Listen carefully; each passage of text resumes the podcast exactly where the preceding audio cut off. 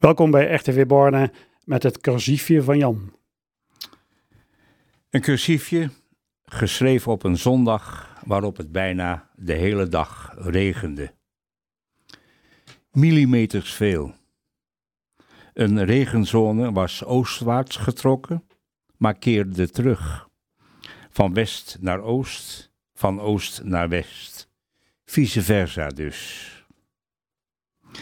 Mijn mobiele telefoon drukt de hoeveelheid regen uit door middel van de dikte van de laag die hij op vlakke grond zou vormen als er niets van wegstroomde, wegzakte of verdampte.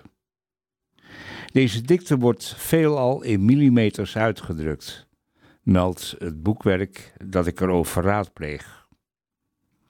De meeste druppels, zo vind ik ook, hebben een middellijn groter dan een halve millimeter en vallen sneller dan 3 meter per seconde.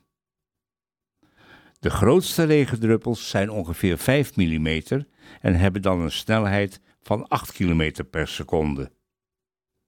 Worden ze nog groter, dan gaan ze in de lucht stuk. Binnen regende het niet. Ik las poëzie.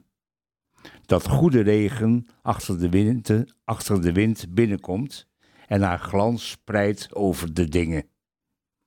Over dingen die voorbij gaan, schreef ik erbij op.